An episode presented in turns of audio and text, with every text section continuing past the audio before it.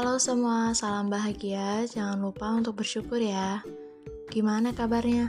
Semoga baik-baik semua ya. Amin.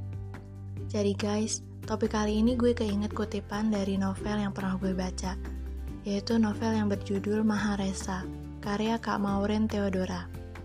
Jadi itu ada part kalimat paragraf kayak gini yang gue temuin. Segala sesuatu ada waktunya, ada waktu untuk tertawa, ada waktu untuk menangis. Ada waktu untuk bertemu dan ada waktu untuk berpisah. Layaknya bunga bermekaran yang akan segera terganti oleh sinar mentari. Dan daun-daun berguguran yang akan segera tertimbun oleh dinginnya salju.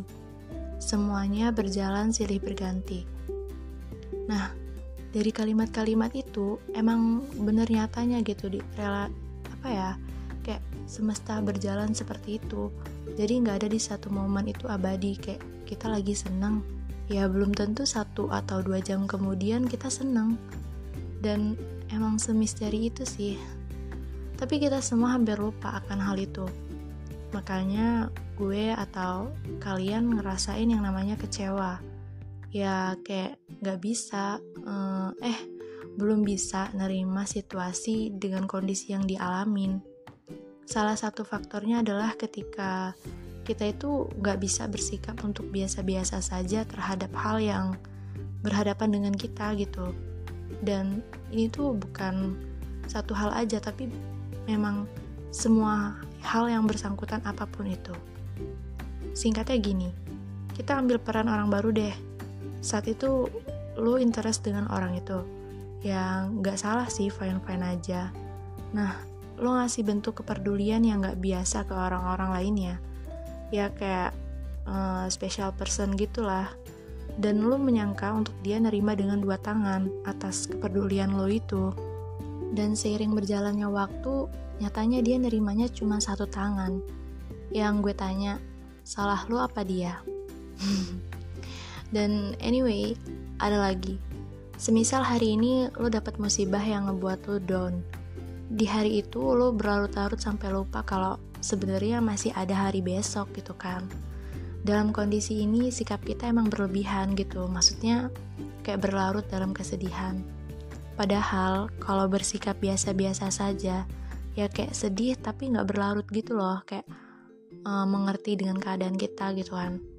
Nah bisa jadi setelahnya pasti ada hal yang ngebuat lo seneng tanpa menunggu hari esok datang begitu juga sebaliknya. Jadi guys, yang terjadi tentang perihal apa pun itu, setidaknya untuk meredam kekecewaan kita, perlu bersikap biasa-biasa saja.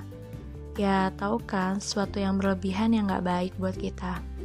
Sebenarnya perihal kita untuk bersikap biasa-biasa aja sih, gue juga masih belajar.